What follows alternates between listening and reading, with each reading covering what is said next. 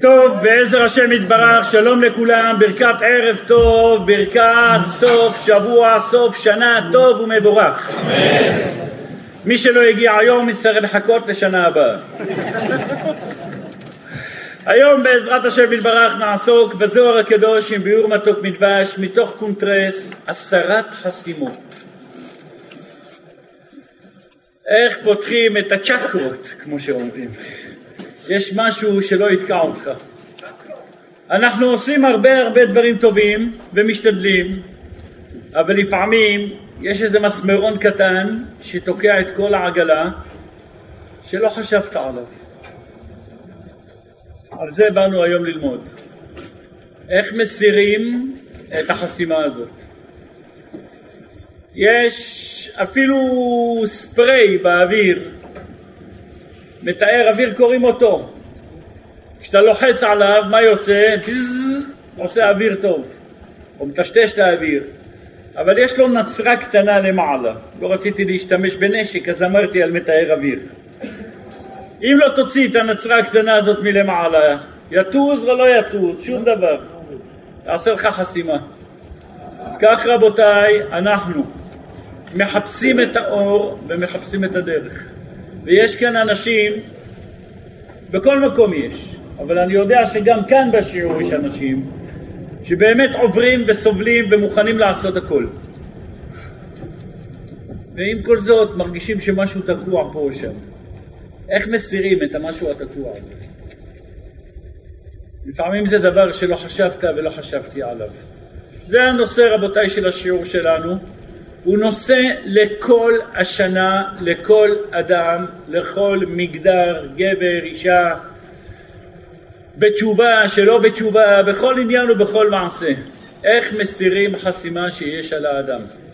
אבל, היות ואנחנו עומדים ממש קרוב קרוב לראש השנה, אז פתיחת השיעור וסיום השיעור יהיו אודות ראש השנה. אבל כל השיעור כולו שייך גם לכל השנה. כרגע נתחיל באיזה מילה על תחילת השנה שהיא ראש השנה, נסגור אם ירצה השם את השיעור גם בדבר הזה, אבל רוב ככל, כ-90% מהשיעור, שייך לכל זמן, לכל אדם, בכל עניין, בחיים חיותו, בכל השנה כולה. יעזור הקדוש ברוך הוא שבאמת נזכה להסיר את כל המניעות, את כל החסימות, שנזכה לפתוח את המזל העליון, שנזכה לקבל את האור העליון כמו שצריך, בלי עיכובים, אמן, כן יהי רצון. אמן. בואו נתחיל רבותיי, קודם כמו שאמרתי, נפתח עם מהות הימים האלה. אנחנו נמצאים כרגע בימים שאפשר להגדיר אותם וכך הוגדרו בספרים הקדושים. ימים נוראים. כשאתה אומר למישהו יש פה משהו נורא, מה אתה מתכוון? משהו נורא יש פה. לא, הימים האלה הם ימים נוראים. שמעת שמש זה ימים נוראים. זה נורא ואיום, זה נורא. נורא ואיום. בדיוק. זה ימים נוראים. למה הם נוראים? אתה לא יודע מה כותבים לבן אדם. אתה לא יודע מה הולך להיות איתך. מה הולכים לחרוץ את הגורל שלך כרגע. ויש לזה השלכה לא רק על היום יומיים הבאים, זה על כל החיים. אם יגזרו אם ירצה השם שתתחתן, זה לא רק גזרו עליך שתתחתן ונגמר, אלא תתחתן ויהיה לך חיים טובים, ויהיה לך ילדים, ותראה נחת. זה מתחיל בגזירה הזאת. תפתח עסק, אז תתפתח וכולי וכולי. אבל אם גזרו על איזה אחמד אבן חמיד, אבו נאיף וכולי, שיפול מהגג, זה לא רק שהוא ישבור רגל. הרגל לא נשברת רק ליום, לחודש, לשנה, והיא תגרור אחריה את הרגל השני, שנית יכול להיות. אז יש השלכה לגזירה של הימים האלה, על כל השנה ועל כל החיים של האדם. לכן הימים נקראים ימים נוראים, ואנחנו נסכם את זה בכללות ממש במילים ספורות. אנחנו עומדים לפני יום שנקרא יום הדין. חז"ל אומרים כל העולם וכל הבריאה עומדים לפני הקדוש ברוך הוא בתור, בתוך שער קטן שאי אפשר לעבור בו שניים. עומדים לפניו כבני מרון, כמו שמעבירים כבשים לספירה, ויש שם רק פתח צר מאוד שאפשר להעביר כבש כבש. כך כבני מרון כולנו עומדים ליום הדין, ואף אחד לא יכול להתחמק, אף אחד לא יכול ללכת רוורס, אף אחד לא יכול לברוח לצדדים, אף אחד לא יכול להיכנס עם חברו שניים שניים, אלא כל אחד והתיק שלו. אם תרצה לדעת מתי בדיוק רגע הדין שלך, שדנים אותך אישית למעלה, בשיעור אחר למדנו, ברגע ונופלת עליך בכייה אוטומטית ביום ראש השנה, תדע שבאותו רגע בדיוק אתה עומד לפני הדיון. יש אחד זה בתוך האוכל, יש אחד זה בבית הכנסת בקריאת התורה, יש אחד זה בשופר, יש אחד בברכות השחר, כל אחד תופס אותו איזה רגע של אמת בראש השנה, פתאום בינו לבין עצמו. זה הרגע של הדין של האדם. ולכן רבותיי היקרים, אין אדם שנחלץ מהדין הזה, כולם עוברים את הדין. הבחירה היא מה הפסק דין שיהיה. את הדין חייבים לעבור. לא רק החיים, גם המתים. מי שנפטר, גם דנים אותו בכל שנה. מה השארת פה בעולם?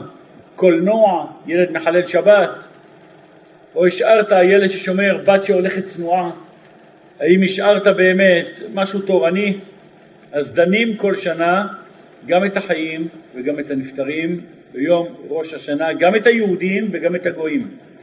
אין מי מבני העולם שלא עובר בדין ביום הזה, מה יהיו ההתפתחויות בשנה הקרובה. מה אנחנו עושים? עשינו הרבה שטויות, ואם אתה רואה שדנים אותך אז מה אתה מנסה לעשות? חטאתי, עוויתי, יותר לא עושה, די, גמרנו, מתחרט, ואם אתה אמיתי, אתה עובר. אם זה היה לא, אם אתה אמיתי אמיתי, ממש אמיתי, עד הסוף אתה עובר נכתב ונחתם ביום ראש השנה, וזה נגמר. ביום ראש השנה.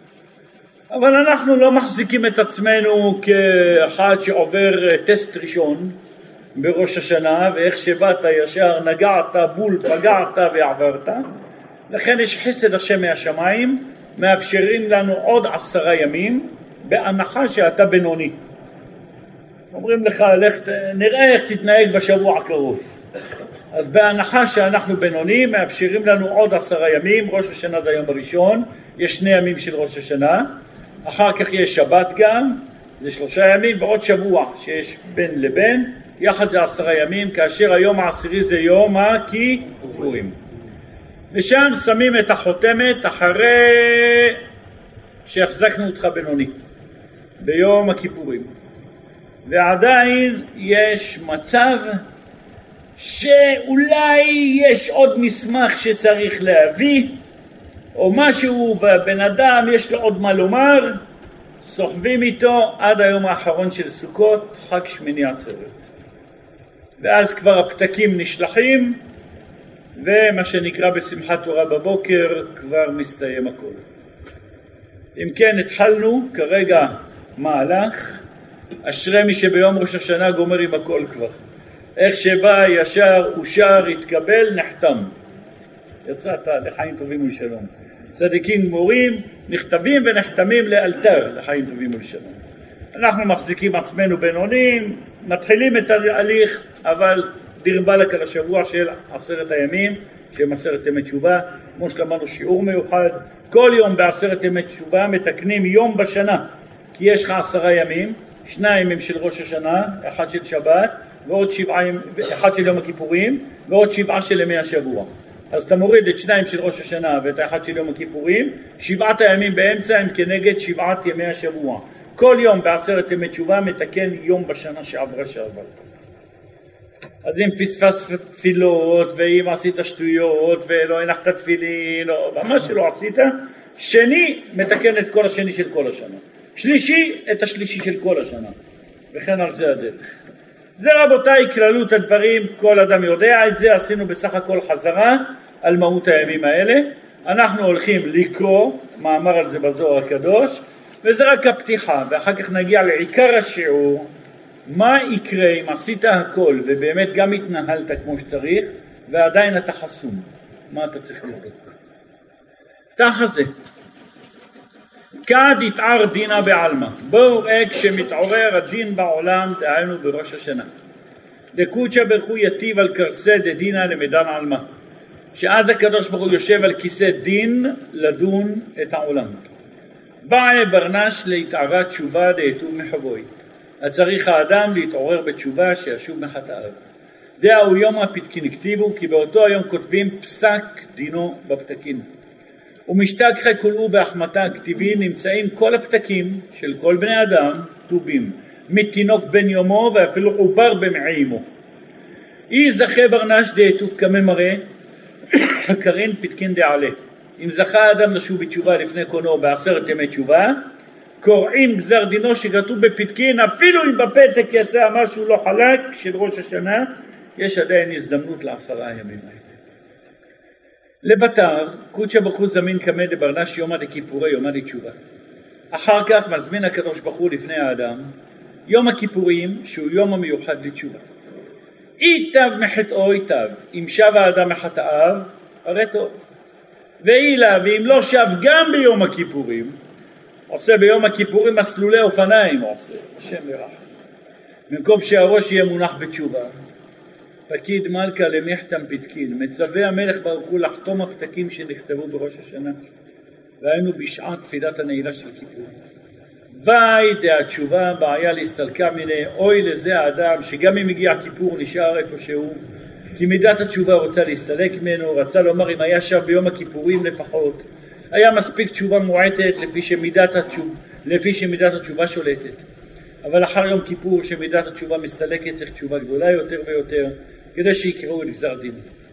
אי זכה בתשובה ולאו שלמה כדי כיאות, אם אחר יום הכיפורים זכה לעשות תשובה, אבל לא הייתה תשובה שלמה כראוי, תליין לעד הוא יום הבתראה דעצרת ותמינאה לחג.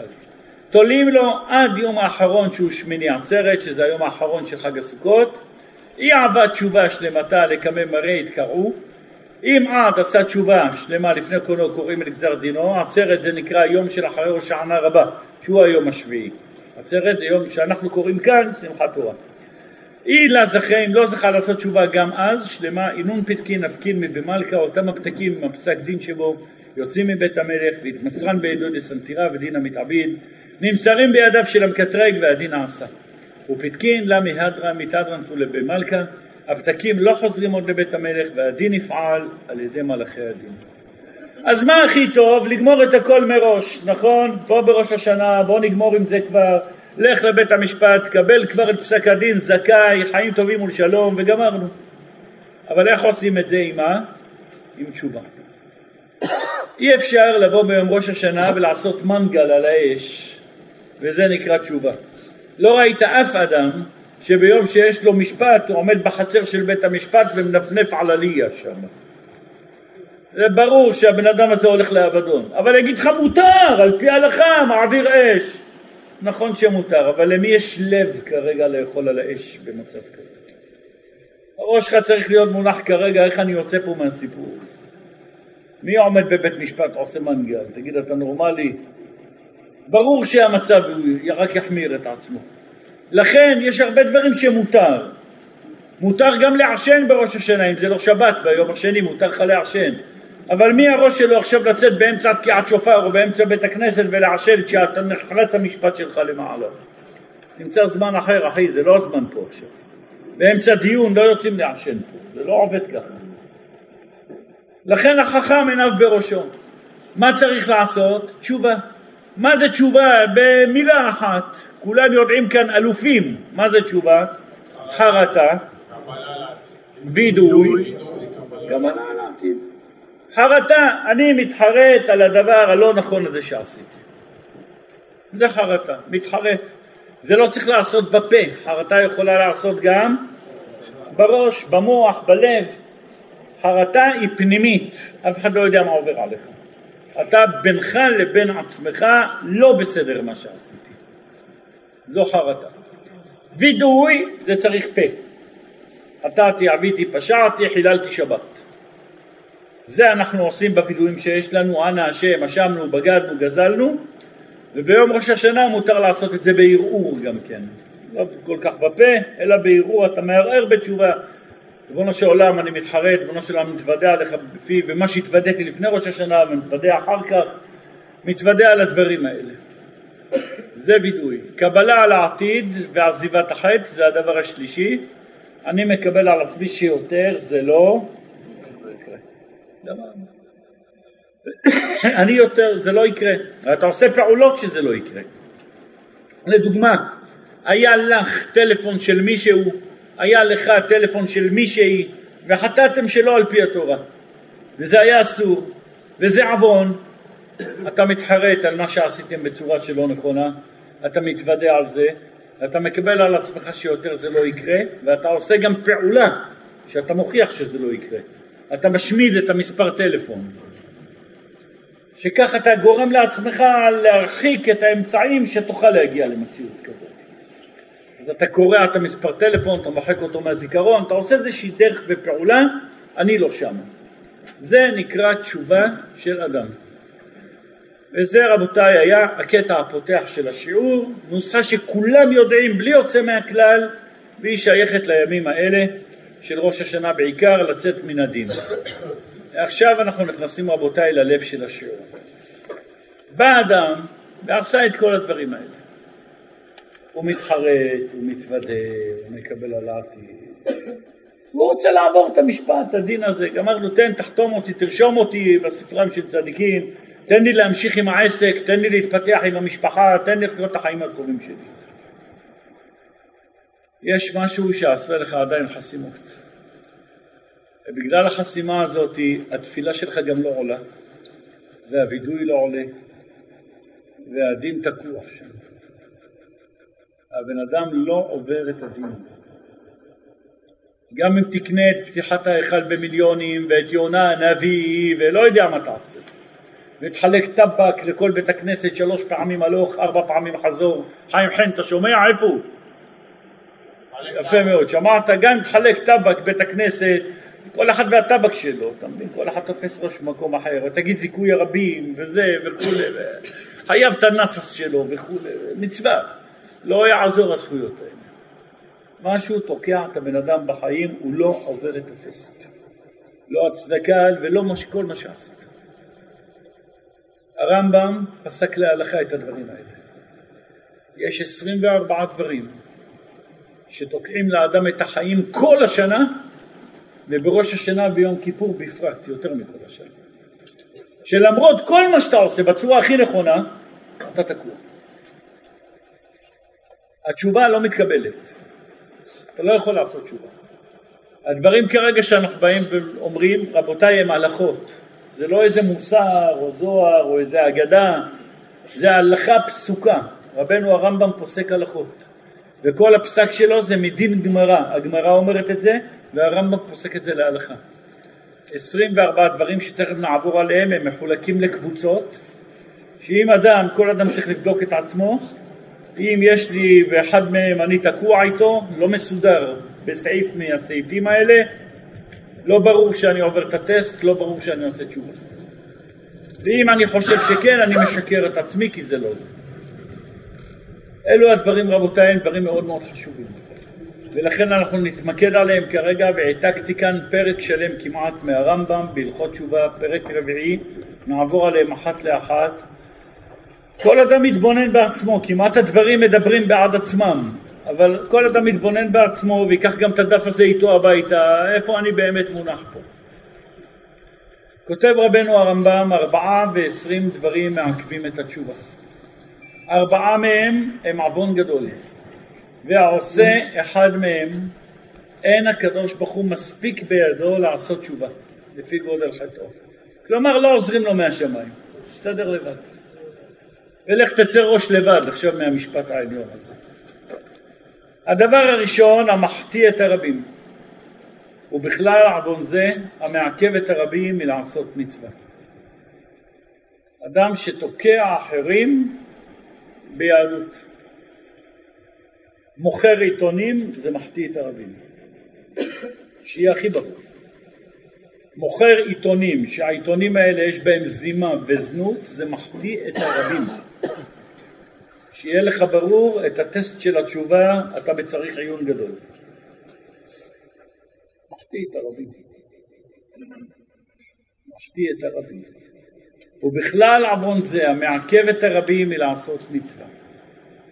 אישה שיש לה תמונה בפייסבוק, באינסטגרם, באתר, בכל הגיהנמים האלה, והיא לא צנועה. שיהיה לה ברור שכל מי שמסתכל שמה הוא חוטא בגללה. היא מחטיאה את הרבים. יש בידה ברגע לסגור שמה, יש בידה ברגע למחוק שמה. כל עוד היא משאירה את זה, מי שעובר או ראה או הסתכל וכולי או ערער, גרמה לו חטא.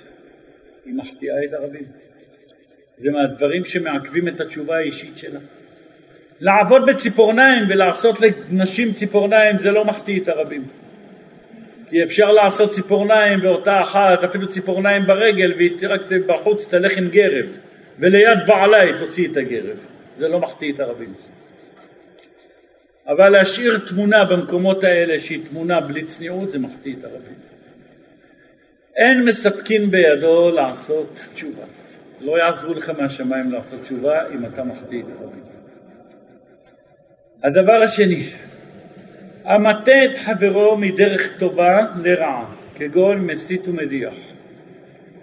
גורם לשני, הוא רצה ללכת לשיעור תורה. אתה אומר לו במקום שהוא הולך כרגע לשיעור תורה, בוא איתי כרגע ל... יש משחק, בוא איתי כרגע ל... וכולי. הוצאת אותו כרגע מדבר מצווה לדבר האסור. זה אדם שמטה את חברו מדרך טובה לדרך רעה. בכלל הדברים האלה רבותיי, המעכב את הרבים מלעשות מצווה. רוצים בבית הכנסת לבנות, לשפץ, רוצים הקהילה לעשות דבר מסוים, וזה רכוש משותף. ואתה אחד מהאנשים שם ואתה מונע אותם מלעשות את זה.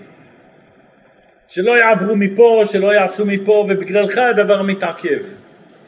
כל זה בכלל המונע את הרבים מלעשות מצווה. גם אדם שגר מעל בית הכנסת ויש רעש בגלל זה בסליחות או וכולי, לא ברור שמותר לו לעכב. ואם הוא מעכב הוא מחטיא את הרבים, או מונע את הרבים מלעשות מצווה. הלכה פסוקה גם אם פותחים תלמוד תורה בתוך בניין מגורים, לא פשוט להגיד זה מפריע לי. לא פשוט להגיד זה מפריע לי. ואם הבן אדם מונע את הגן ילדים שם, התורני, או את המקום הנמצא, זה מעכב את הרבים מלעשות מצווה. צריך כל אדם לבדוק בעצמו איפה אני הייתי גרמה למנוע או לעכב דבר מסוים.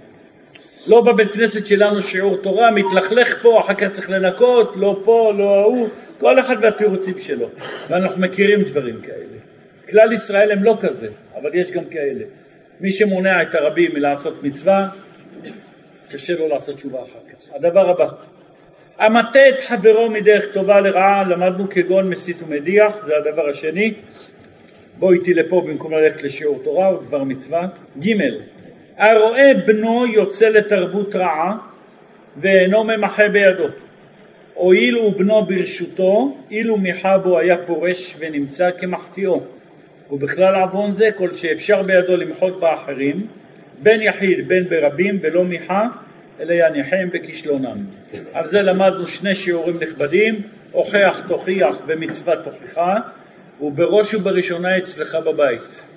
יש לך ילד שאתה יכול להגיד לו מילה, והוא כפוף לך, הוא מקבל כרטיס אשראי ממך, הוא קונה נעליים חדשות ממך, הוא עושה דבר ממך, אתה מממן אותו, את הבן והבת. אם אתה פשוט אה, הופך ליפה נפש ואתה לא מעיר לו, תדע שאתה אדם שלא יעזרו לך לחזור בתשובה. תקעת לעצמך מסמר בגלגלי התשובה. איך ייתכן שיעזרו לך לחזור בתשובה כשאתה גורם למישהו לחתור ולא לחזור בתשובה? וזה הכי קרוב לך, וזה הבן שלך, וזה הבת שלך. לכן אל תתבייש ותבקש ותאמר להם. לא עושים ככה. בני היקר, בתי היקרה האהובה, זה לא הדרך. ואם צריך לפעמים להטיל קצת סנקציות, תטיל, זה מה יש. מה תעשה כשילד הולך לנגוע בשקע של חשמל והולך לקבל זרם? אתה מסביר לו יפה, ואם הוא לא מבין, אז אתה תופס לו את הידיים, ואם לא, אז תנתק את כל החשמל מכל הבית. אז הוא יישב בחושך, שישב. העיקר שלא ימות. הכל בשיקול דעת נכון, איך ומה עושים את זה. הוא רוצה לנסוע לטיול אבל הוא יחלל שבת שם, שאני אקנה לך כרטיס, למה מה קרה? למה מה קרה שאני אקנה לך כרטיס? לך תעבוד, תממן את עצמך. שאני אגרום לך לתת סטירה למלך? המלך אמר אסור מחללי אמות יומת. מה, אני הולך לקנות לך כרטיס טיסה למוות? מי שלא עושה את זה בצורה הנכונה, ואני מדגיש בצורה הנכונה, כי כל הדברים האלה כפופים לעשה לך רב. לא שכל בעל תשובה בן יום עכשיו יתפוס פה ויתחיל לפסוק הלכות. לך לרב האישי שמכיר אותך ואני לא רב אישי. לך לרב האישי שמכיר אותך ותספר לו ותגיד לו אצלי בבית המציאות כך וכך והרב יגיד לך בנסיבות שלך באמת תפעיל אולטימטום אש או יגיד לך חכה חכה עוד שבוע או הילד הזה עוד קצת לא פתח עיניים חכה עוד שבועיים לאט לאט כל אחד יכוון אותך בצורה הנכונה לך אם כן רבותיי הדבר כל זה בכלל הדברים האלה כל אדם שרואה ויכול למנוע. הדבר הרביעי, האומר אחטא וישוב, בכלל זה האומר אחטא ביום הכיפורים מכפר. עוד לא נהפוך את הדף כי תכף נקרא את הכל במרוצה שוב. האומר אחטא וישוב, פירושו נסדר את זה שבוע הבא, לא נורא, עכשיו נפלנו נפלנו, נשאר עם החטא הזה, אחר כך נתקן. זה לא עובד ככה. אלא ברגע שנפלת, כמו שלמדנו בשיעור שנקרא גירושין וקידושין, וכמו שלמדנו בשיעור נפלתי קמתי, שבאותו רגע שנפלתי, באותו רגע שגירשתי, באותו רגע קידשתי. זה לא נשאר באותו מציאות רגע. זה לא נשאר רגע אחד בנפילה, וזה אסור שיקרה. אם אתה נשאר עוד רגע אחד שם, הכתב וישוב, הכתב וישוב, אחר כך נסדר, תדע לך, אתה סוגר לפניך דלתי תשובה. זו רבותיי הקבצה ראשונה של ארבעה דברים מתוך העשרים וארבעה. נקרא את כולם עכשיו ברצף. ארבעה מהן עוון גדול והעושה אחד מהם מן הקדוש ברוך הוא מספיק בידו לעשות תשובה לפי גודל חטאו. ואלו הן המחטיא את הרבים ובכלל עוון זה המעכב את הרבים מלעשות מצווה. המטה את חברו מדרך טובה לרעה כגון מסית ומדיח. הרואה את בנו יוצא לתרבות רעה ואינו ממחה בידו, היא הולכת לקנות מכנס קצר, הבת שלו, שאסור ללבוש בגד כזה. או חולצה שכל, רחמנא ליצלן, הכל בחוץ, אסור לך לממן דבר כזה. ואינו ממחה בידו, הואיל ובנו ברשותו, אילו מיחה בו היה פורש ונמצא כמחטיאו. ובכלל עוון זה כל שאפשר בידו למחות באחרים, בין יחיד בין רבים, ולא מיחה, אלא יניחם בכישלונם, זה אדם שמעכב את התשובה האישית שלו. הדבר הרביעי האומר אחטא ואשוב, בכלל זה האומר אחטא ביום הכיפור מכפר, יגיע יום כיפור ויום כיפור לא יכפר. למה יפילו עליו שפעת על שונאי ישראל, לא יוכל לקום מהמיטה, אפילו וידוי לא יעשה. יעקבו את התשובה שלו. זו הקבצה ראשונה. הקבצה שנייה, ומעין חמישה דברים הנועלים דרכי התשובה בפני עושיהם. נועלים. לפני כן למדנו לא מספקין בידו, לא עוזרים לו. עכשיו אנחנו לומדים נועלים, סוגרים עליך את הדלת כביכול. ואלו הן. הפורש מן הציבור, לפי שבזמן שיעשו תשובה לא יהיה עמהן, ואינו זוכה עמהן בזכות שעושים. כלומר, בן אדם שחי זאב בודד. כל פעם שיש איזה אירוע קהילתי, בית הכנסת, שיעור תורה, דבר מסוים, הוא לא שם. תן להם שידברו, תן להם שיסתדרו, מה לי ולהם, מה לי ולזה וכולי. לפעמים דנים על דברים מסוימים, והדבר הזה פשוט הוא לתקנת כל הקהל. לפעמים בבוקר בבית הכנסת, בין שחרית למוסף, בין קריאת התורה, מכריזים על דבר מסוים שהוא פרצה, שהוא בעיה, שכל מי שנמצא צריך לתת יד בדבר הזה, איך לסדר את זה. אותו אחד בדיוק יוצא החוצה, עזוב שיסתדרו. אתה מוציא את עצמך מכלל הציבור, אתה לא תקבל גם את התקנה שהציבור קיבלו עליהם בזה. זה אחד. שניים, החולק על דברי חכמים, לפי שמחלקתו גורמת לו לפרוש מהן, והוא אינו יודע דרכי התשובה. וזה למעשה הדבר הזה, והדברים הבאים שהם באותו, תכף נראה, הם בהקבצה אחת. יש רק אדם אחד בכל התורה שאין רפואה למכתו. וזה האדם שמבזה תלמידי חכמים. אין רפואה למכתו, כך כתוב.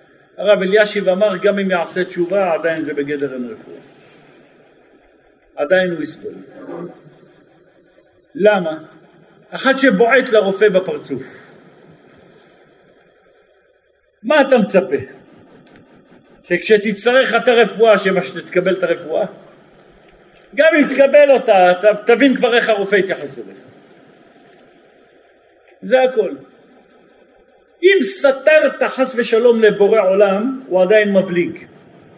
אבל אם סתרת לתלמיד חכם, או ביזית תלמיד חכם, אין רפואה למכתו. הקדוש ברוך הוא הוכיח והעניש על זה שהרים יד בתנ"ך, אבל על זה שעלה על המזבח, הקדוש ברוך הוא לא העניש.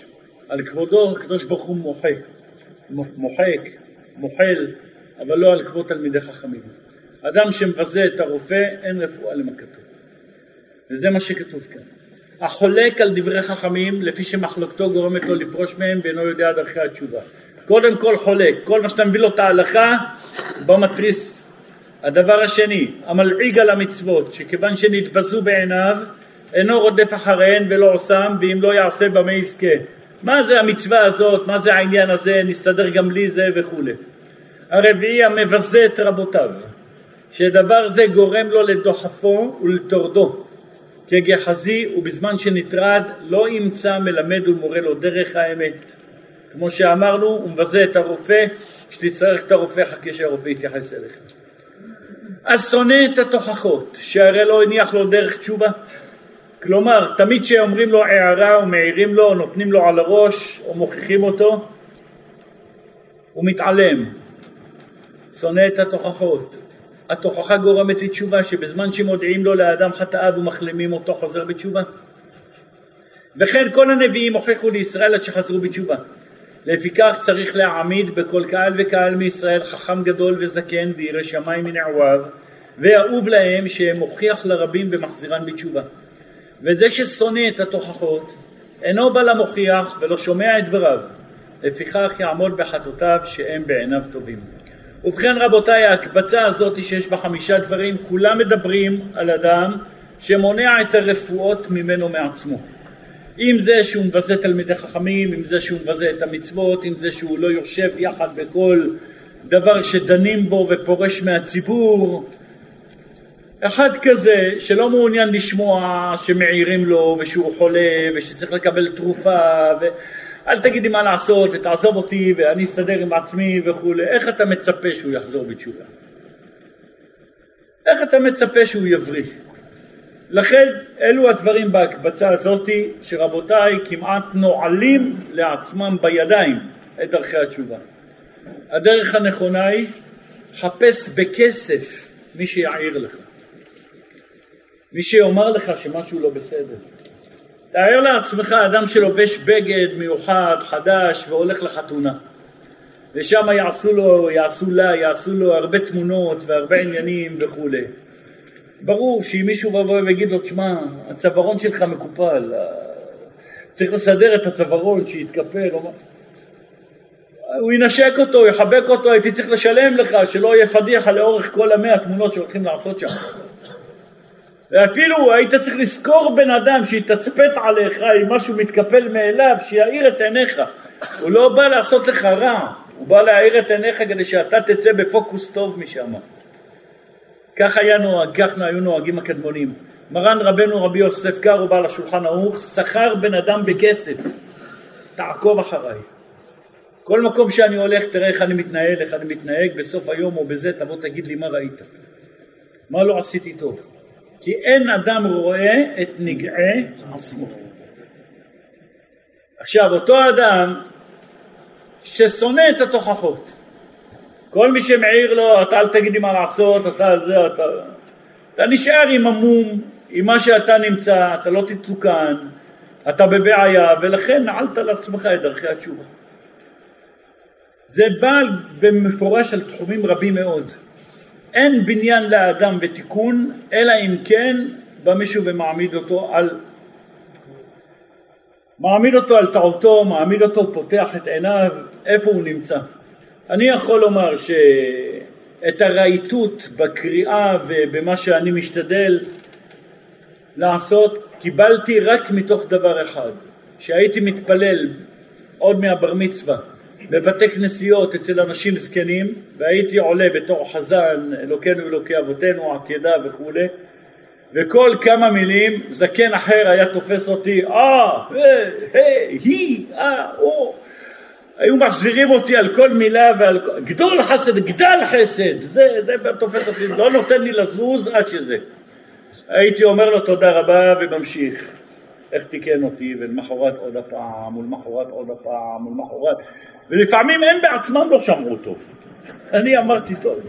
הם בעצמם לא שמעו טוב ותיקנו, ואף על פי כן אוהב את התוכחות, תמשיך, בוא נבדוק, אולי יצא משהו, תעיר. מישהו העיר לך שיש לך אבק, וזה לא בדיוק היה אבק, אבל הכוונה היה טוב, הוא רצה לעזור לך. טוב, אז טוב שלא היה. אוי ואבוי אם היה. לכן, אוהב את התוכחות. לא, אתה אל תדבר איתי, אתה אל תגיד לי מה לעשות, אתה... מי אתה שאני אשמע אותך וזה. קבל את האמת ממי שאמרה. עכשיו, בשביל לקבל את האמת אתה צריך להיות אדם פתוח באמת למוכיחים ופתוח באמת לאנשים חכמים שיורדים קצת יותר ממך. ולכן המבזה את החכמים, אין לו תקנה. רחמנא ליצלן, אין לו תקנה. גם כשחס ושלום הוא מגיע לאירוע גשמי של חולי או דבר מסוים, מי יוציא אותך מזה? אותו חכם בזכויות שיש לו. אם לא, אין לו תקנה. לצערנו נמשיך הלאה. אז עכשיו בואו נראה אם אדם באמת בודק את עצמו את מי פעם ביזיתי ומה עשיתי וכולי, תעשה שיקול. לכן לפעמים כל מה שאני מתפלל לא הולך, לא זז. ומהם דברים נוספים. חמישה דברים העושה אותם אי אפשר לו שישוב בתשובה גמורה. הראשון אמרנו לא מספיקים בידו לעשות תשובה, לא עוזרים. השני אמרנו נועלים. עכשיו אנחנו אומרים תשובה גמורה הוא לא מגיע, מתחיל אבל לא משלים את התשובה שלו.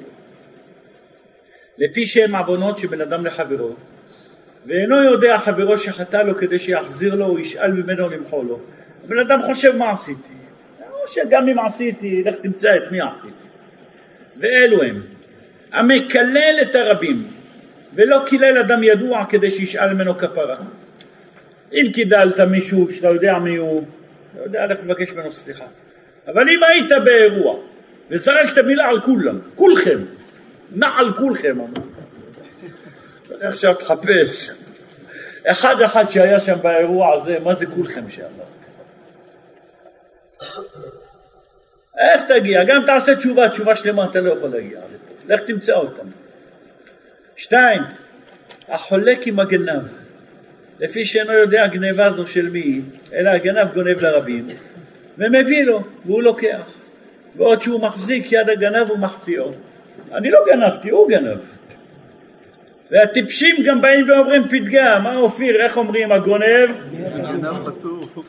זה נכון או לא? פטור מתשלומי כפל, אבל חייב, בטח חייב. וגם טעם גניבה והנזק והעוון של הגניבה עליו. כי הוא גם מחזק את ידי הגנב. לכן החולק עם הגנב, חולק עם הגנב זה לדוגמה. פעם אחת קמתי לפני מספר שנים, 15-20 שנה, ראיתי שאיזה טסה ברכב שכור ששכרתי נעלמה. טסה מהגלגל נעלמה. אז פשוט הלכתי למוסך, אמרתי להם, חסר פה הטס, אני צריך להחזיר את הרכב. אמר לי, אין בעיה, מה שאתה רוצה אנחנו מזמינים לך. בסדר, מזמינים, אני אשלם מה שצריך. אבל איך תזמין, זה, היה הרכב הזה לא כל כך מצוי וזה. אנחנו מפרקים. מה זה מפרקים? יש חלקים. שני אומר לי בלילה הולכים, רואים איפה יש רכב כזה, מפרקים. מפרקים לרכב חונה, דבר כזה, מביאים לך מחר. מה אתה דואג? אנחנו מפרקים. גם אם אתה משלם לו, אם אתה משלם ולקחת אחד כזה, אני לא גנבתי, הוא שישבור את הראש שלו, זה נקרא חולק עם הגנב. אתה לא, אתה גם תעשה תשובה, אתה לא יכול, למי תחזיר? אני ראיתי אדם שלקחו לו רעף, נשבר לו רעף בבית. הלך הביא פועל, אמר לו מחר בוקר אני אסדר לך את זה. אמר לו אבל זה רעף נדיר, זה... יש זכר, נקבה, צריך לדעת איך לסדר את הפינים ברעפים הישנים, מי שיודע וכולי, זה לא עובד ככה. אמר לו, אל תדאג, מחר בוקר נסדר לך. אמר לו, תשמע, מה מחר בבוקר? אין לי זמן מחר בבוקר שלא ייכנס מים. אמר לו, חכה כמה דקות, נביא לך. עלה מהגג של השכן, סחב לו רעף, דחף לו. לא אני, לא כלום, גם תביא את אבא של המצלמות, אני לא עשיתי פה שום דבר. אבל אתה חולק עם הגנב. זה יכול להיות שקית במבה שגנב או משהו, קופסת סיגריות. ככה, חפצ'ה מפה ומשם. אחי היקר, זה חולק עם הגנב, גם אם תרצה לחזור בתשובה, לא אני עשיתי, הוא עשה. זה לא פשוט. הלאה. המוצא אבדה ואינו מכריז עליה עד שיחזירה לבעליה ולאחר זמן כשיעשה תשובה אינו יודע למי יחזיר. למדנו שיעור שלם ומקיף שכולו מדבר על השבת אבדה. אם אדם מצא חפץ זה לא ברור שזה שלך. יש כללים, מה מצאת, באיזה צורה זה עומד כשמצאת, איזה גדר מדובר, מה אתה צריך לעשות עם הדבר שמצאת, זה לא הנה מצאתי שמוצאים אותו פה על האבן נמשיך הלאה, זה לא עובד ככה. אם מצאת והחזקת כבר ביד אסור לך להשאיר את זה חזרה, יש כללים, יש פרטים, יש דינים, יש הלכות, שיעור שלם מקיף למדנו שנקרא השבת אבדה. אדם שמצא אבדה ולא הכריז ולא כלום ואחר כך טוב עכשיו למי נחזור עבר חצי שנה, מה עושים עכשיו? לך תחפש את הבן אדם, בן אדם כבר איפה הלך ואיפה הלך. הדבר הבא, האוכל שור עניים ויתומים ואלמנות. אלו בני אדם אומללים הם, ואינם יודעים, ידועים ומפורסמים, וגולים מעיר לעיר ואין להם מכיר, כדי שידע שור זה של מי הוא ויחזירנו לו. כלומר, הדבר הזה, מה שכאן כתוב לנו, זה האוכל שור עניים, יתומים ואלמנות. יש אנשים שאין להם, ואין להם מספיק מה שצריך, ואתה נראה לך שיש להם. אתה מרשה לעצמך לקחת מהם. בסופו של דבר, כשאתה פותח את העיניים אתה רואה ממי לקחתי, מאחד שחי על ביטוח לאומי, מאחד שבישל איזה סיר בסך הכל לו ולאשתו ולילדים וזה בכלל הדברים שנראה עוד מעט בקטע הבא גם בכלל זה. סעודה שאינה מספקת נוחת על משפחה כרגע בשלו ארוחת צהריים. לקחו בחשבון אבא, אמא שמש, ירח וכוכבים, יעקב אבינו היה שמש אשתו הייתה ירח, רחל, ו-12 כוכבים היו שם, בישלו סיר לכולם. בא מישהו בדיוק עבר, בוא בוא שב תאכל איתנו וכולי. שער בעצמך, אתה אורח קרוא, או שבאת נחת עליהם על הנשמה כרגע וכל אחד מצטמצם ונותן. לא כל אחד בישל סיר ל-14 נפשות, כי אמרו 12, זה אחד. שתיים, יש מרשים לעצמם כבן וכאבא וכולי. בהדלקת הנר נוחתים על אימא שלהם בליל שבת. אימא שלי, מה לא תקבל אותי? בהדלקת הנר נוחתים בבית שלי, של ההורים. מה לא יעשו? אבא מה לא ייתן לילד שלו? אמא מה לא תיתן לילד שלה? אבל היא לא תכננה שעכשיו תנחת עליה בהדלקת הנר. זוהי סעודה שאינה מספקת לבעליה. זה בבחינת האוכל שור עניים ויתומים ואלמנות בני אדם אומללים ואינם ידועים מפורסמים וגולים מעיר לעיר אין להם מכיר כדי שידע שור זה של מי הוא ויחזירנו לו. בכלל דבר זה שנקרא של סעודה שאינה מספקת לבעליה שנראה בהמשך. דבר זה הבן אדם אומר מה עשיתי? למי עשיתי? אבל הבן אדם מה עושה? באמת הוא מציק למישהו. תשקול טוב טוב בעצמך זה שאמרו לך בוא תאכל בוא תשתה הבית פתוח נתנו לך כבוד, אבל אתה צריך לשקול טוב האם זה באמת במקום. ואם אכלת ושתית ועשית, אחר כך גם אם תרצה להחזיר, זה לא בדיוק, כי לא חשבת שעשית משהו רע, שאתה בכלל תחזיר. הלאה. הדבר הבא, מקבל שוחד להטות דין, אינו יודע עד היכן הגיעה הטיה זו, וכמה היא כוחה כדי שיחזיר. שהדבר יש לו רגליים ועוד שהוא מחזיק יד זה ומחטיאו. בדרך כלל מה זה שוחד? יש תיק מסוים, יש דבר מסוים, הולכים לדיין, דוחפים לו משהו, לשופט, לדיין, פה, שם, באיזה עניין, וזהו, בואו נגמור עם הסיפור הזה. זה מה שעושים. כן, וסוגרים את העניין, אבל לא תמיד לקחת בחשבון את ההשלכות. לקחת בחשבון את ההשלכות שיכול להיות אם היה הדיון הזה ממשיך והיה מתפתח וכמה באמת היה מגיע לו וכמה באמת היה נסגר. וחשבת שרק בטענה הראשונה כשבאת וסגרת את התיק הזה הכל נסגר והטית את הדין בדבר שנראה לך עוד לפני שמיעת הטענות ולפני הכל. אבל הדבר הוא מסועף יותר וגדול יותר וכולי אלו הדברים האלה אי אפשר לבן אדם שישוב בתשובה גמורה. גם אם תחזור בתשובה אתה לא מעריך וגם אם תרצה לחזור בתשובה איפה תמצא את הבן אדם שגונב מגנב וכולי וכולי ובין חמישה דברים העושה אותם.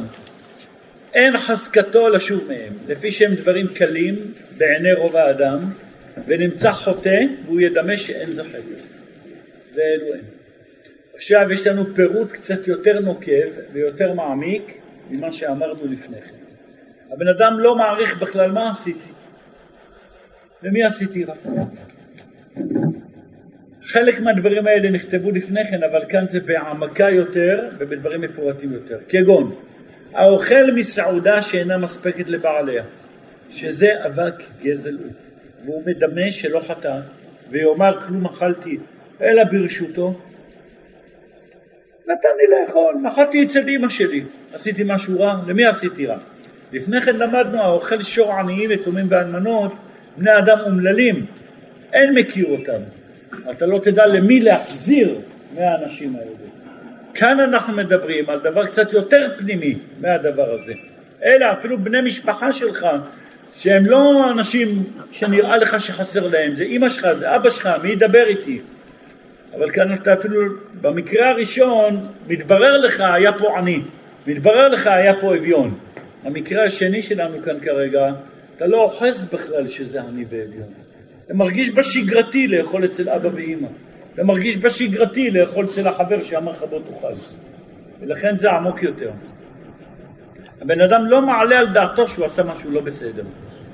הדבר הבא, משתמש בעבותו של עני, שעבוד של עני אינו אלא כגון קרדום ומחרשה, ואומר בליבו אינם חסרים והרי לא גזלתי אותו. כלומר, אדם שלוקח משכון מבן אדם תמורת הלוואה, ולא מחזיר לו את המשכון בזמן, מה הפירוש? משכון שלוקחים על פי התורה זה לא שאתה לוקח והוא משועבד והוא אצלך לחלוטין. זה לא בית משפט כרגע שעד שתשלם אז הרכב נמצא במשכון ואז זה נמצא בזה מעוקל או דבר, לא.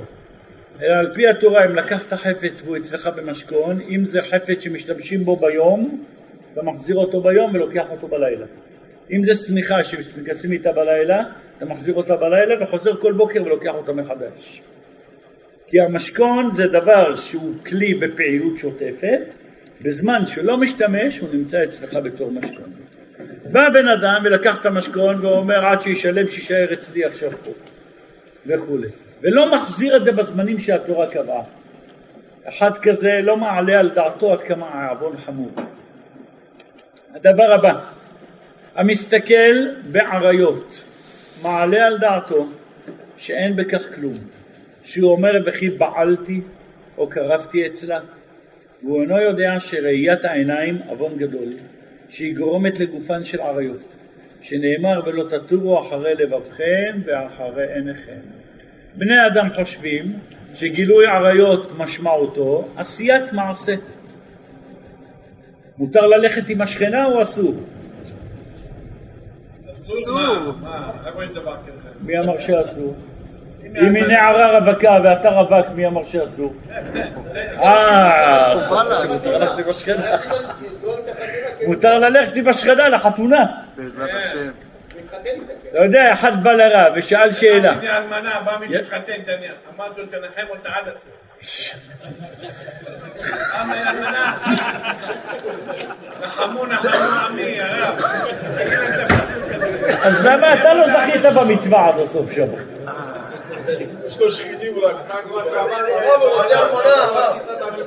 מה אני אעשה? אשאיר אותו מסריח בחור?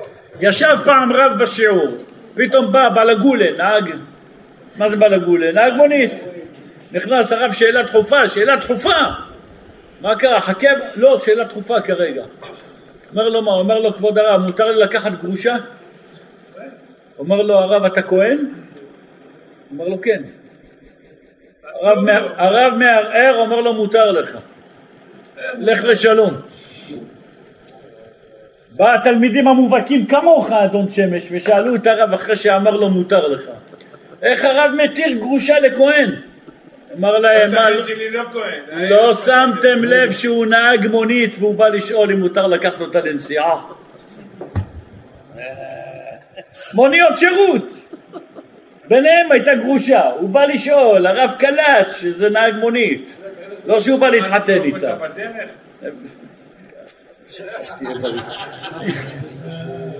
נחזור עכשיו לענייננו, רבותיי. גילוי עריות בני אדם חושבים, מה זה גילוי עריות? מעשה. מעשה אישות, וזה לא נכון. שלמה המלך אומר פסוק, טוב מראה עיניים.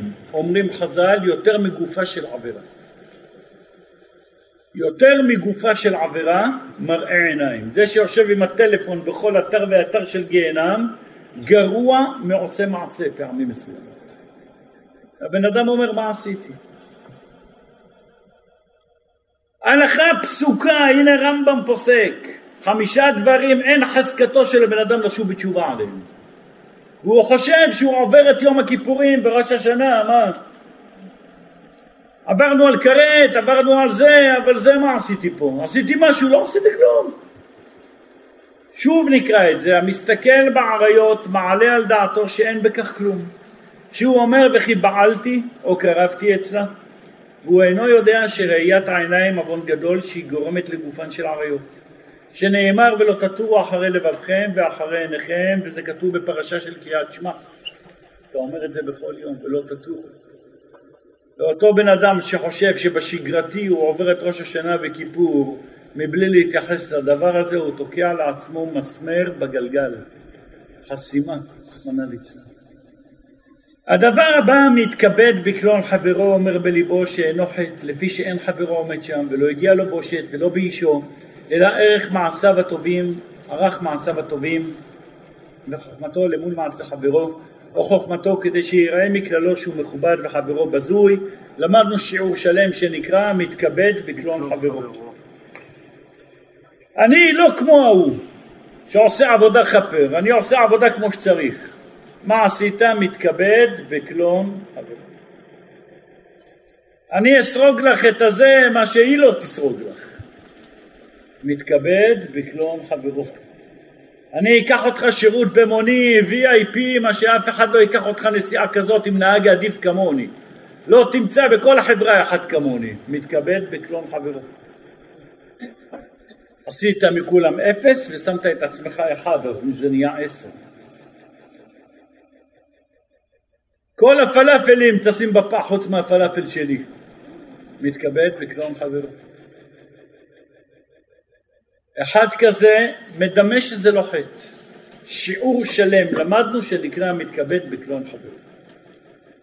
כתיבה כמו שלי, כמו שאני כותבת לך, כמו שאני עושה לך עבודה, כמו שאני אעשה לך ריסים, גבות, זה כמו שאני אעשה לך. אף אחד ברחוב הזה, לא סלון דריסה ולא קלביסה, אף אחד לא תעשה לך. מה הזכרת? אותו דבר ספר תורה. ספר תורה שאני אכתוב לך, כל הסופרים, שים אותם בצד, תראה מה אני אכתוב לך. אתה מתכבד על חשבון אחרים. תגיד, אני אכתוב לך ספר תורה מהודר, אני אעשה לך גבות הכי יפות שיש בעולם, אבל אל תזכיר אנשים אחרים. ברגע והזכרת אחרים, מתכבד בקלון חברו, זו עבירה חמורה מאוד. המלצות? נקודה. יש לך המלצה שלך, אל תכניס אחרים. לא פלוני וכולם בפח. יש לך המלצות, עשה עבודה טובה, הכל בסדר, נקודה, אבל אל תזכיר אחרים. תשים את עצמך אחד זה בסדר, אבל אל תשים את עצמך, שים אפס של אחרים לידך, נקודה. הלאה. הדבר הבא, חושד בכשרים, אומר בליבו שאינו חטא, לפי שהוא אומר מה עשיתי לו, וכי יש שם אל החשד שמא עשה או לא עשה, והוא אינו יודע שזה עוון שמשים אדם כשר בדעתו כבעל עבירה. קרה דבר, היה עניין, נראה לי שזה הוא. זה נקרא חושד, ולפעמים זה החושד בכשרים. מאיפה אתה יודע? הייתה ניידת, לא תקום פעמיים צרה ליד מקום מסוים, חמש בבוקר קמו כל השכנים, שלפו שם את מוחמד החוצה. אשתו מספרת לו, הוא אומר לו, מי יודע מה עשה, מה עשה, לא סתם לקחו אותו, לא סתם זה, לא הוא וזה, זה חושד בכשרים. 90 אחוז מאלה שבאים ולוקחים זה גם לא נכון. וכמו אולי לקחו אותו בסך הכל על עדות או חקירה וזה לא הוא בכלל. והרבה פעמים זה בכלל גם לא הוא. מה אתה חושד בכשרים? החושד בכשרים מדמה שזה לא עבור, לא עשיתי שום דבר, מה אמרתי? יש כאן דבר נוסף, הוא דן גם את עצמו, כמו שאמרנו בשיעור במחר. תמיד תלמד זכות, או לא יודע, לא יודע, לך תדע מה הולך, מאיפה אני יודע? מה אתה חושד בכשרים? הרמב"ם ממשיך, ומהם חמישה דברים העושה אותם יימשך אחריהם תמיד, וקשים הם לפרוש מהם. לפיכך צריך אדם להיזהר מהן, שמא ידבק בהן, והן כולם דעות רעות עד מאוד. זה כבר במידות בני אדם. ואלו הן רכילות, לשון הרע, בעל חמא, אדם כעסן, בעל מחשבה רעה, המתחבר לרשע מפני שהוא לומד ממעשיו והם נרשמים בליבו. הוא שאמר שלמה ורואה כסילים ירוע, אם אתה הולך עם בן אדם כסיל, בטוח שגם אתה תהיה כמוהו. כל אלו הדברים וכיוצא בהם. אומר הרמב"ם, שלמדנו לפני כן שהם מעכבים את התשובה. אף על פי שמעכבים את התשובה, אין מונעין אותה, אלא אם עשה אדם תשובה מהן, הרי זה בעל תשובה ויש לו חלק העולם הבא. כלומר, אמרנו שמי שעושה כך וכך וכך תוקע את עצמו מלעשות תשובה, אבל אם הבן אדם מתעשת וחזר בתשובה על זה שהוא חשד בכשרים, וחזר בתשובה שהוא אכל סעודה שאינה מספקת, תיקן את העוון. רק אדם שעושה דברים כאלה לא נותן על ליבו בכלל שהוא עושה איזה עבירה. והוא ממשיך בשגרתי. אבל אם חזר בתשובה גם על הדברים האלה, יקובל ברצון. זה מה שכותב רבנו הרמב"ם. נמצאנו למדים רבותיי, אדם שרואה את עצמו חסום בדבר מסוים והוא מתפלל והוא שב והוא עושה וכולי וכולי, תבדוק בעצמך קודם כל אם אין לך את האחד מ-24 דברים האלה. אם אתה באמת בכלל האחד 24 דברים, כל התשובות שאתה עושה עד עכשיו הן לא תשובות.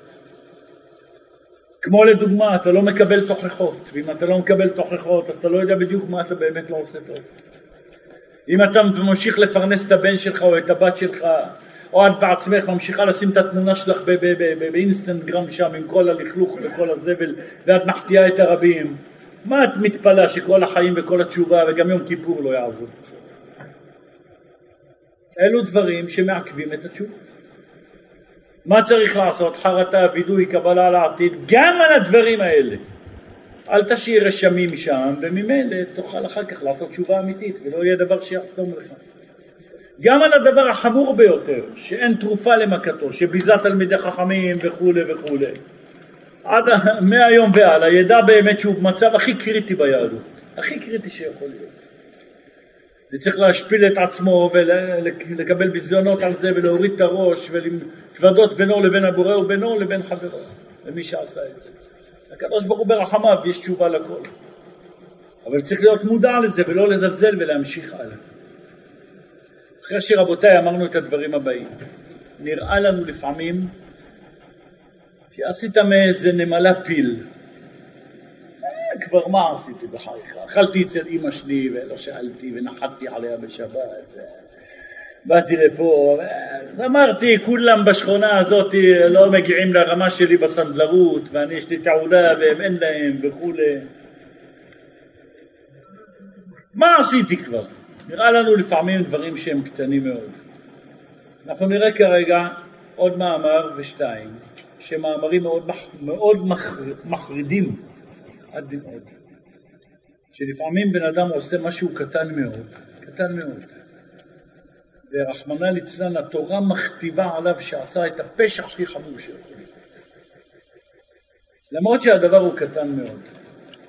היה אדם אחד שהיה שקול כנגד משה ואהרון. מי זה האדם הזה? שמואל, שמואל הנביא. בימיו היה כהן גדול. הכהן גדול, איך קראו לו? עלי הכהן הגדול. עם תפילת חנה, ותתפלל חנה וכו'. הפסוק אומר על הבנים של עלי הכהן שהיו עובדים בבית המקדש בתור כהנים. נשים שהיו מביאים להם קורבנות, הם היו שוכבים עם הנשים. אישה יולדת לא נתארת לבעלה בזמן שיש מקדש עד שהיא מביאה קורבן. באה האישה עם הקורבן אחרי שילדה 40 יום ל-80, 40 וכולי, כתוב שהכהן שמקבל את הקורבן ממנה היה שוכב איתה. ואלה הבנים של מי? של הכהן הגדול העצום עלי הכהן. זה, זה נורא לשמוע דבר כזה, והפסוק אומר מפורש, אשר ישכבון את הנשים. מה זה, איפה אתה חי? אתה נורמלי? בואו ונראה רבותיי, הזוהר הקדוש ילמד אותנו, וזה למעשה גמרא מפורשת. יש דברים שנראים לך קטנים שאתה עושה, זה לא בדיוק לשכב.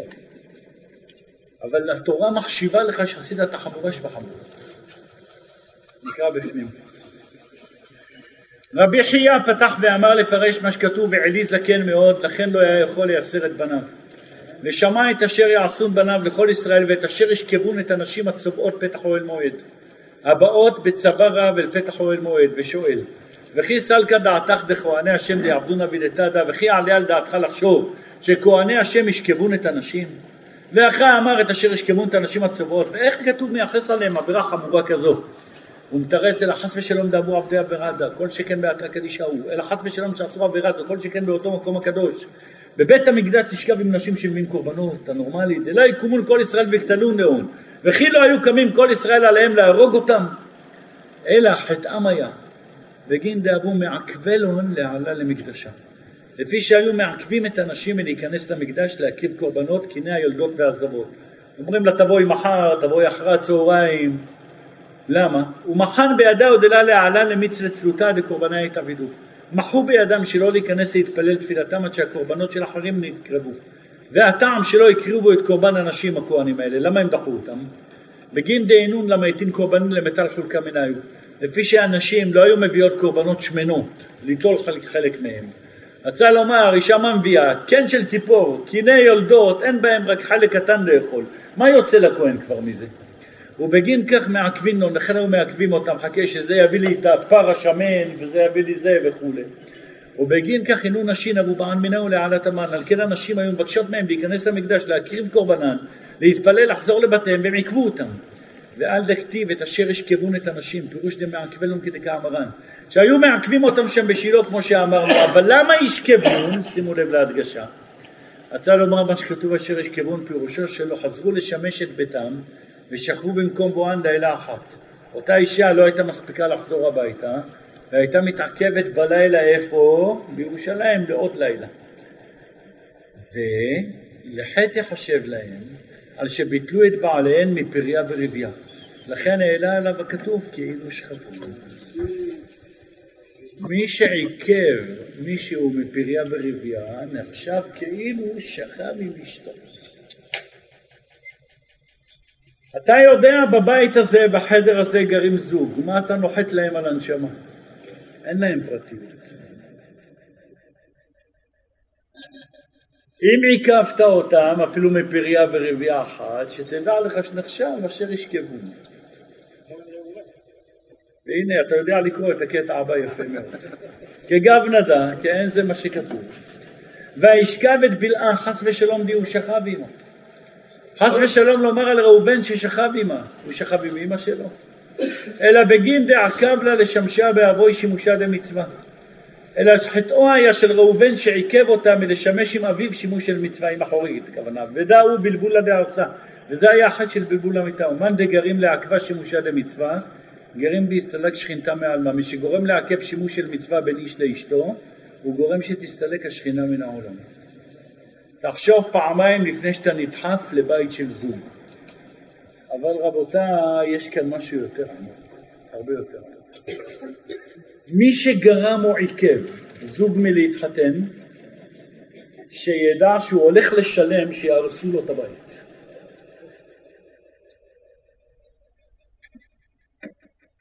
מי שפיצץ שידוך או גרם פירוד בין שניים, שיחלום ויעשה שפגט באוויר להתחתן הוא בעצמו עכשיו.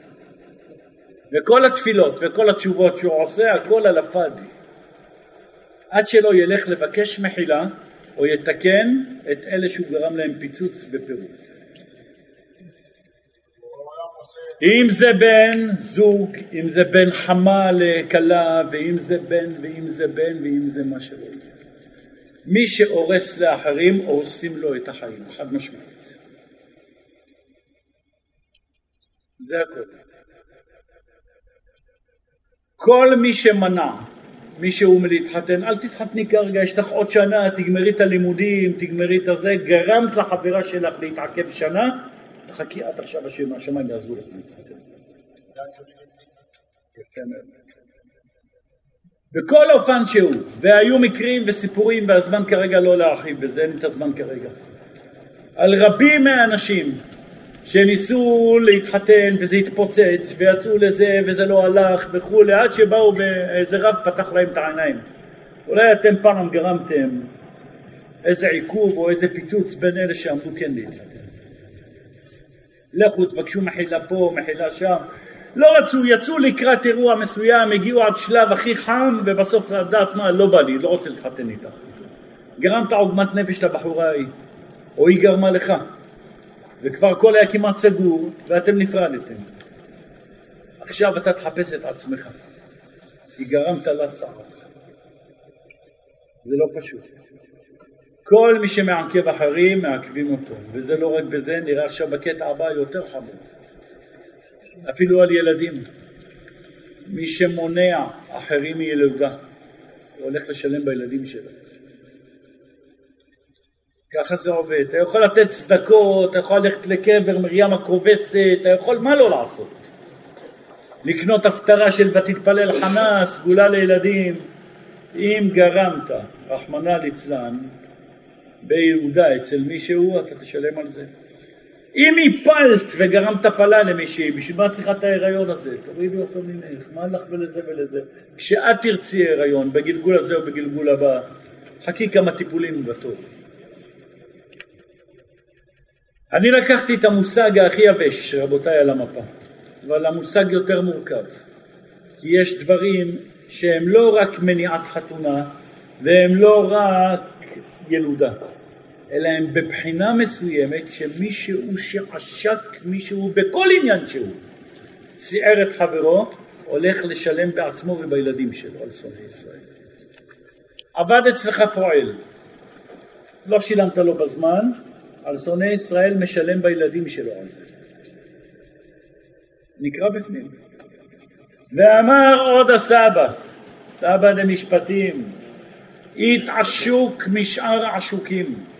יש עוד עשוק משאר מיני עשוקים שנגרם על ידי שעשק ועיכב שכר שכיר. עבד אצלך יומית, עבד שבועית, עבד חודשית, הגיע זמן התשלום. למדנו שיעור שלם שנקרא שכר שכיר. כמה דעת אמרת לא תעשוק את רעך, פירש רש"י זה הכובש שכר שכיר. יש תשטר של 200, תשלם לך אחר כך. מה זה ישלם לך אחר כך? שבור את השטר של ה-200. הנה הוא עבר ועשק, כמו שהוא עבר ועשק שכר שכיר. משלמים לו מידה כנגד מידה על שונאי ישראל, כי הוא עשוק בבנוי מהו סטראך. הוא יהיה עשוק בבניו הקטנים מהסטראך. רוצה לומר שימותו בקטנותם רחמנא ליצלן. ובגין כך אמר את כל העשוקים, לכן אמר שלמה ואראה את כל העשוקים זה הילדים הקטנים. פירוש אמר שלמה קאימנה בכל הילון עשוקים בכל סטרין דעשק. אמר שלמה עמדתי והתבוננתי בכל מיני עשוקים בכל באופני העושק. ומה הינון עשוקים? למה הילד חולה? למה הילד לא מדבר עד גיל זה וזה? וגם ידעתי על מה הם עשוקים. יש מי שבוכה בגללך עד היום. סיערת מישהו. ויש מישהו שמצטער על ידך עד היום. לא יעזור, אתה תשלם בעצמך, אתה תשלם בילדים שלך, שונאי ישראל, עד שלא תעשה תשובה. ומה התשובה? תשובה זה לא שתבוא ביום כיפור ותקרא את הסידור. תשובה בינך לבין חברך.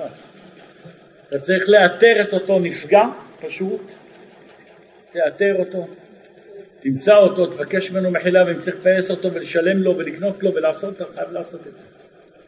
משום שיום הכיפור, שנה ויום הכיפורים לא מוחל על עוונות של בן אדם לחברו, אלא רק על בין עוונות של בן אדם למקום. ואם נשאר תיק כזה פתוח, אל תתפלל למה הכל תקוע עליו. מחכה שהילד יבריע, אתה לא צריך את הרב. לך תחפש בסיפור שלך. כל ילד, כמו שלמדנו בשיעור שנקרא סוגה, הרועה בשושנים, כל ילד שעובר מה שעובר זה בגלל האבא והאמא. טוב, יבוא בן אדם ויגיד, אני מרוב מה שעשיתי בחיים כבר לא יודע מה עשיתי. לא יודע, באת עכשיו אמרת לי, ועכשיו אני רואה את עצמי תקוע, ואני לא יודע, גם ראש שנה לא יעזור, כיפור לא יעזור. תגיד, אז עכשיו תגיד לי, אני לא יודע עכשיו מאיפה אני אמצא את כל העוונות האלה. איך מאתרים את כל הפאנצ'רים שעשיתי לעצמי בחיים? איך מוצאים את כל המסמרים האלה בגלגלים? איך מוצאים אותם? יש עצה אחת שלמדנו פעם, ונחזור עליה שוב. אדם שלומד תורה, ובעיקר בלילה, התורה נכנסת לו בראש ומעלה לו זיכרונות, וממקדת אותו על המיקום של הפאנצ'ר, על הבעיה הנקודתית. כוח לימוד תורה בלילה. באופן כללי, קמת בשתיים בלילה, קמת בארבע, קמת בבוקר, בשבת להתפלל, יש עוד שלוש שעות עד שמתפללים, קמת לשירותים, קמת לשתות כוס מים, קום תקרא קצת תהילים, קום תקרא איזה ספר. או בתחילת הלילה, כמו שאנחנו עוסקים בתורה בלילה כרגע, מבחינת מה? תורה שלומדים במציאות כזאת, מעלה לך זיכרונות, לא דווקא במשך השיעור, גם כשאתה יוצא החוצה. היא גורמת בום.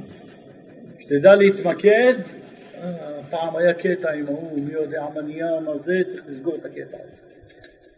עד שלא תסגור, אדם שלדוגמה, ויש כאן גם כאלה, שאימלל בן זוג, בת זוג, שישב ובכה או בכתה עליו ימים חודשים ויש כאלה שבוכים עליהם עד היום.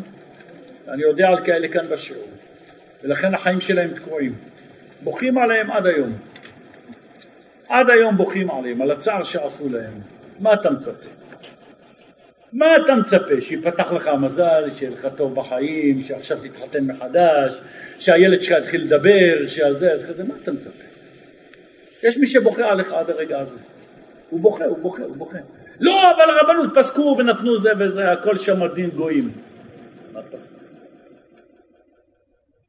שיהיה לך ברור, כל מי שיש מישהו שהוא בצער בגללך במקום מסוים, אתה תקעת לעצמך את החיים בגללו. עד שלא תגיע למציאות ותסגור את התיק הזה, אתה לא יוצא מזה. מה הדרך באמת להתמקד והעיניים ייפתחו? תלמד תורה ובעיקר בלילה. אם אתה לא יודע, אם אתה יודע אז לך לפתור. אומר הזוהר ואמר, כי מן דקאים בלילה למלאה באורייתא. מי שקם בחצות הלילה לעסוק בתורה. אורייתא, מה זה דברים האלה? אורייתא כמודע, אני מוותר על הכל. אורייתא כמודע לחווה. התורה מודיעה לו חטאו, כלומר זכות תורתו מביא בשכלו להתבונן בגודל חטאו ולשוב עליהם.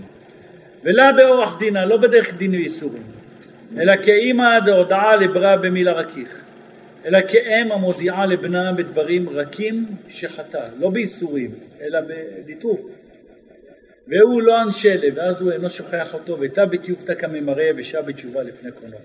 סוף דבר רבותיי, כללות השיעור שלמדנו שייך לכל השנה ולכל החיים.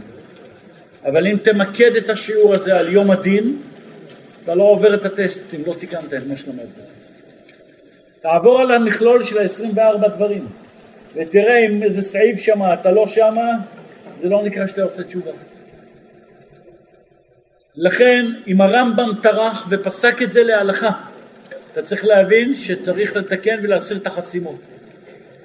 תסיר את החסימות, תעבור את יום הדין, יהי רצון שנזכה כולנו להיכתב ולהיחתם בספרם של צדיקים לאלתר, לשנה טובה ומבורכת, לחיים טובים ולשלום, אמן.